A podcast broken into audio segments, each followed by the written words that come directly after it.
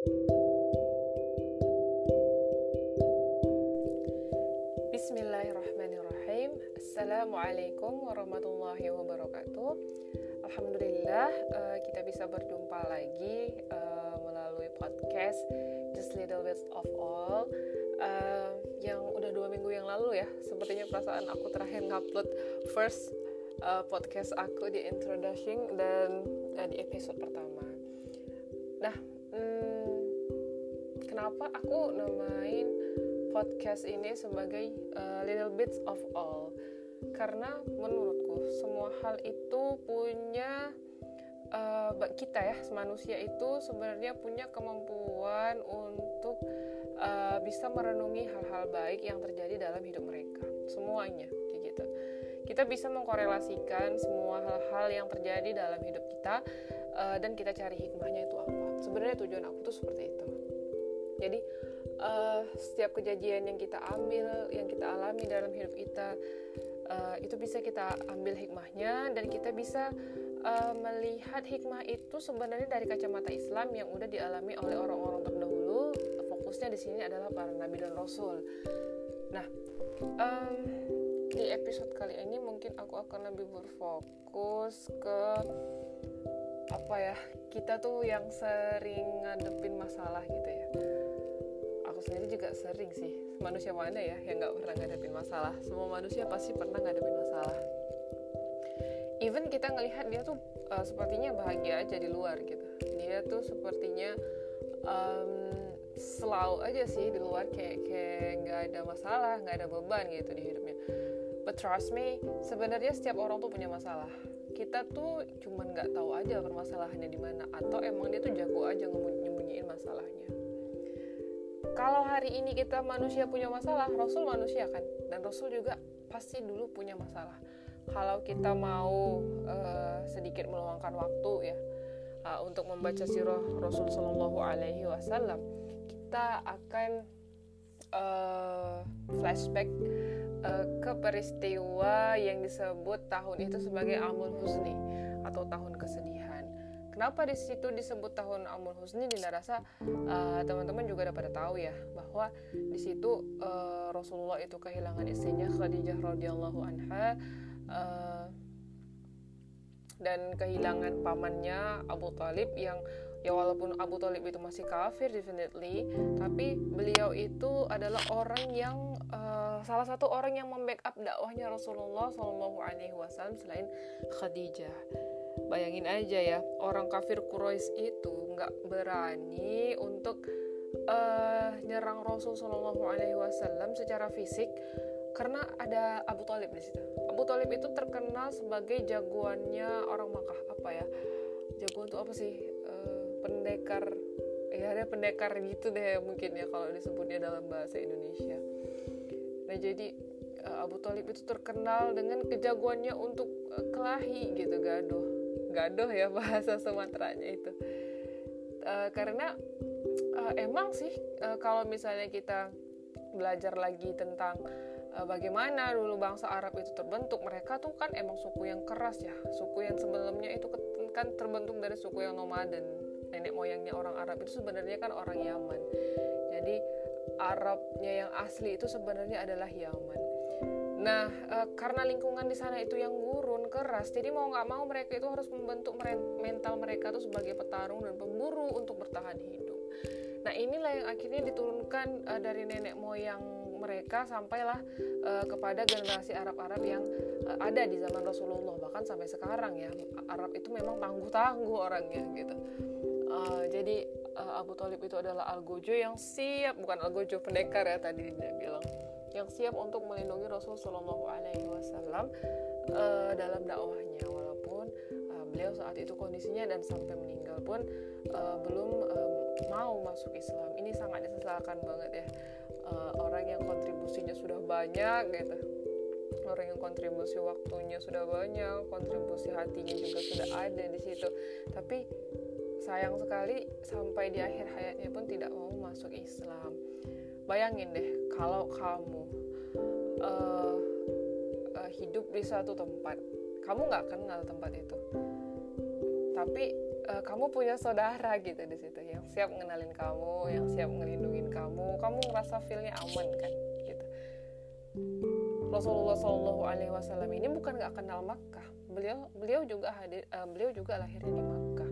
Tapi karena beliau bawa Islam yang notabene itu asing banget sama orang-orang Makkah artinya Rasul juga dianggap asing sama Makkah dengan ajarannya yang menentang ajaran nenek moyangnya.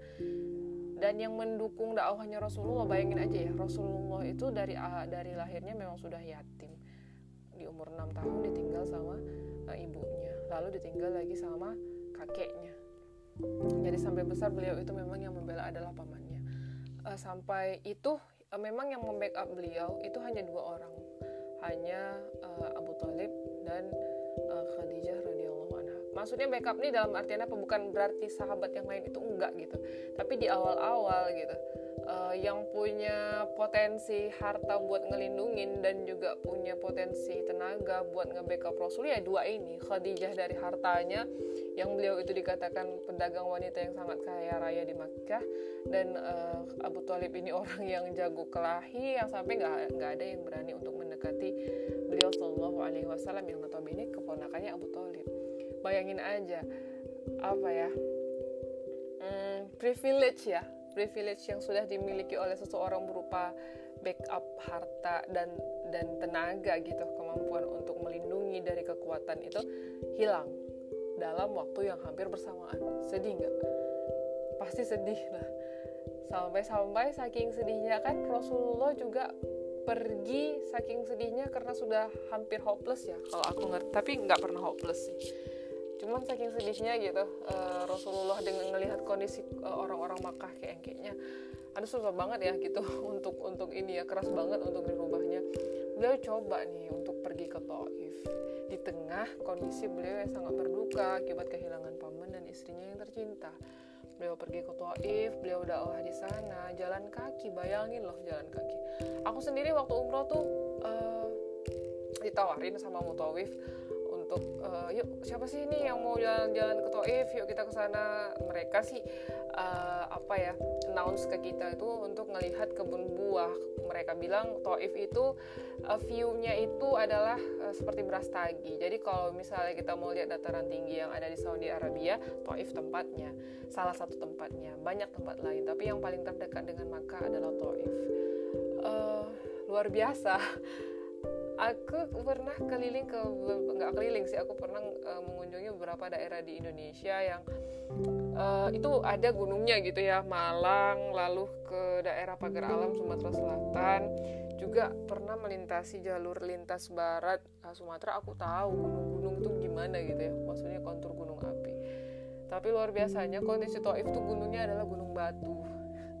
Jalannya adalah jalan berbatu dan batunya batu cadas bayangin loh dan itu baru baru pertama kali ngelihat sinari itu yang seperti itu. Dan akhirnya aku uh, ditawarin begitu kan sama mutawifnya aku terima aja untuk uh, pergi ke Taif karena memang Taif itu luar biasa ya mengenang perjalanan Rasul kayak gitu. Pergi beliau Shallallahu Alaihi Wasallam ke Taif jalan kaki guys. Jalan kaki. Bayangin Taif itu Dinda lupa 70 atau 90 km gitu dari kota Makkah. Dan itu jalan kaki. Bayangin sampai dan itu bukan jalan mulus kaki bukan jalan mulus. Sedangkan yang sekarang jalannya aspal aja itu naik naik gunung. Kalau dulu tuh jalannya nggak aspal pasti itu batu-batu cadas yang dilewati. Dengan kualitas sandal yang dipakai zaman dulu pasti beda kan dengan zaman sekarang. Aku nggak tahu sakitnya Rasul yang dialami itu gimana. Tapi sampai di Taif apakah beliau mendapatkan penyambutan yang baik? Oh ternyata big no big no banget. Big no enggak ternyata Rasul Shallallahu Alaihi Wasallam itu nggak mendapatkan penyambutan yang baik sedikit pun. Diusir dihina diteriakin dilempar batu diteriakin orang gila sampai beliau Shallallahu Alaihi Wasallam ketakutan um, berdarah gitu ya. Sampai sampai sampai uh, beliau itu bersembunyi di salah satu kebun anggur milik uh, warga Makkah. Ya Allah, bayangin kalian jalan kaki 90 km tengah udara Makkah yang panas. Aduh, Makkah itu panasnya nggak main-main. Kalau bagi kalian yang udah pernah ke sana, kalian tahu panasnya gimana. kenapa kita di Masjidil Haram gak kemanasan ya iya iya karena di Masjidil Haram itu marmernya marmer terbaik di dunia tapi bayangin dulu gimana gitu nggak ada pendinginan nggak ada kendaraan jalan juga masih cadas dan kota Makkah itu kota berbukit kalau sorry ya kalau ke Taif itu kota berbukit gitu jadi bayangin kamu kehilangan dua orang yang kamu cintai yang selama ini nge makeup kamu dari uh, harta dan juga dari tenaga dan juga kamu mencoba untuk menghilangkan kesedihanmu itu dengan berdakwah tapi kamu malah disambut dengan cara yang menghinakan banget seperti itu padahal yang kamu bawa sebenarnya adalah bentuk perlakuan dan kasih sayang kepada uh, mereka gitu nggak bisa bayangin ya sedihnya. Mungkin kalau orang-orang zaman sekarang mungkin udah langsung nggak tahan gitu ya udah nyerah. Jadi Allah ya Allah aku nyerah aja deh pasti kan gitu. Tapi Rasul enggak gitu. Walaupun Rasul sedih gitu. Dan Allah tahu kesedihan Rasul itu. Allah tahu kesedihan Rasul uh, akhirnya apa? Karena Allah tahu kesedihan Rasul maka Allah hibur Rasul dengan kisah-kisah yang ada dalam Al-Quran. Dan yang paling nyenengin kalau orang sedih tuh ternyata salah satu obatnya jalan-jalan aku bisa ngambil kesimpulan dari situ.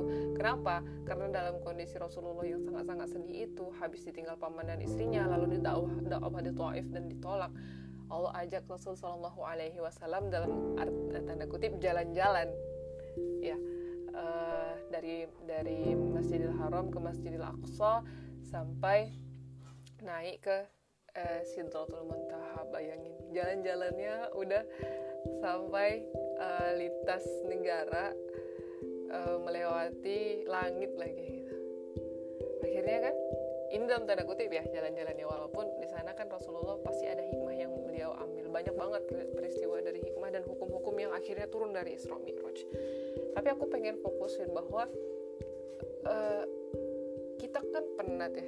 Ini aku mau korelasikan dengan dengan keseharian kita. Kita tuh kan sering penat gitu. Uh, kita sebagai manusia Rasul juga pasti penat. Dakwah itu menghadapi masyarakat yang keras gitu. Kehilangan orang-orang dicinta itu kan membuatnya sedih. Allah menghibur hatinya dengan cara mengajak beliau dalam tanda kutip tadi jalan-jalan. Dari Masjidil uh, Haram ke Masjidil Aqsa sampai ke Sidratul Muntaha Oh Masya Allah jalan-jalan sampai seperti itu. Pulang dari Isra Mi'raj ber Berjumpa dengan para nabi dan para rasul uh, Para ulul azmi yang lain Sampai uh, adalah pertemuan dengan Allah. Tapi itu pun beliau Sallallahu Alaihi Wasallam tuh gak sanggup untuk menatap wajah Allah.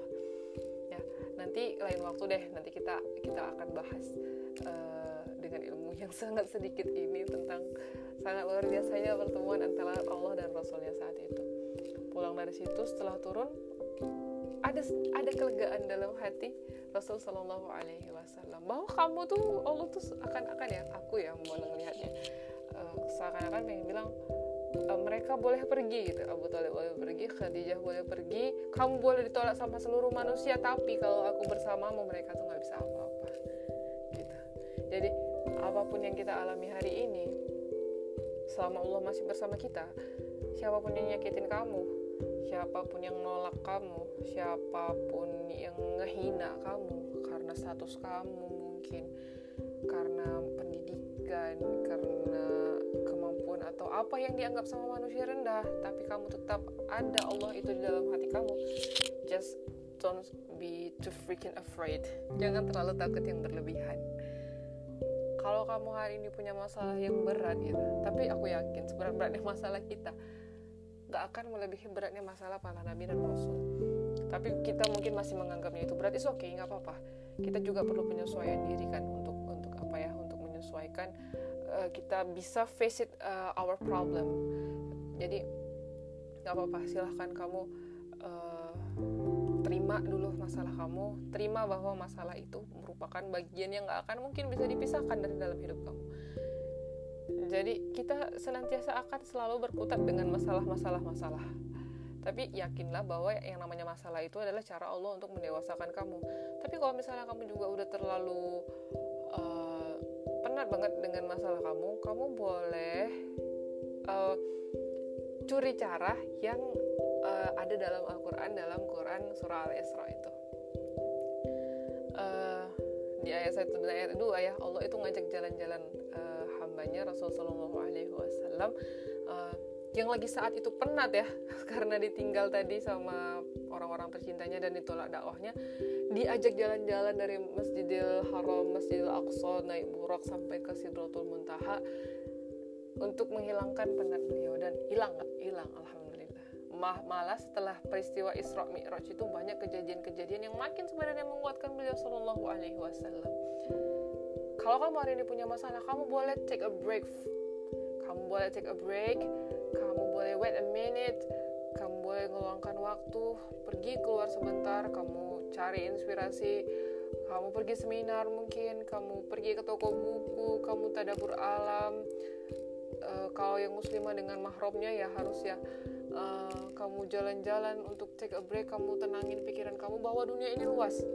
Bahwa masalah kamu itu kecil gitu maka aku selalu diajarin sama uh, musyrifah aku kalau kita punya masalah kita bilang sama masalah kita dan sama hati kita begini hai masalah kamu tuh kecil. Karena aku tuh punya Allah yang maha besar.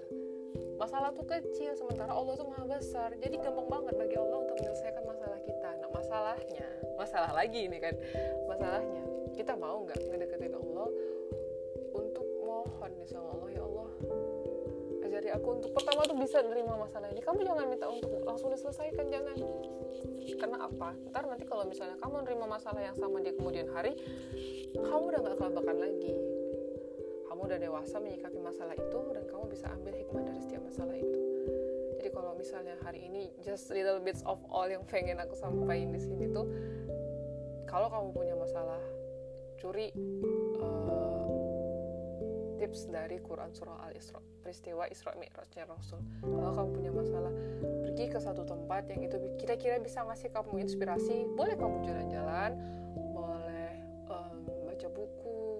take a break. Berhenti sejenak aja dari rutinitas kamu.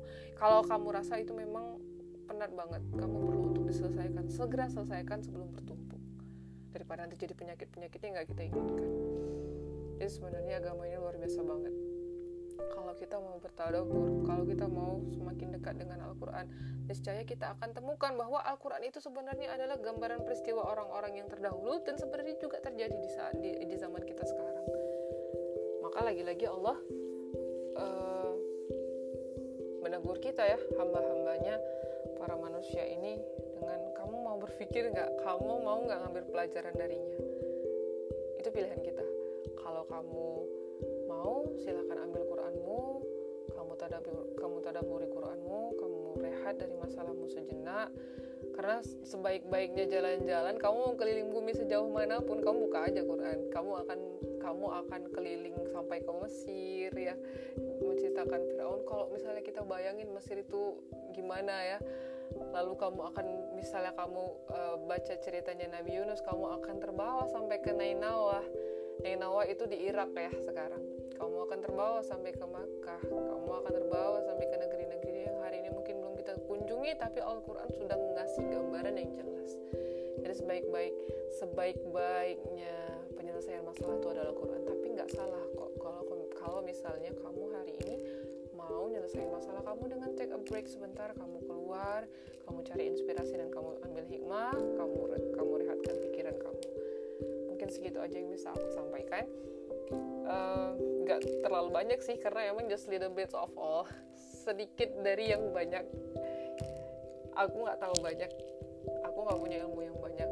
Aku cuman pengen nge-share di sini sama kalian tentang apa yang bisa aku ambil dari kehidupan. Yang aku juga pasti ngalamin itu. Sedikit tips mungkin. Uh, kalau misalnya kalian uh, mau nge-share podcast ini silahkan semoga menjadi kebaikan uh, bagi uh, kita bersama. Adinda akhiri dulu ya. Selamat weekend buat besok. Assalamualaikum warahmatullahi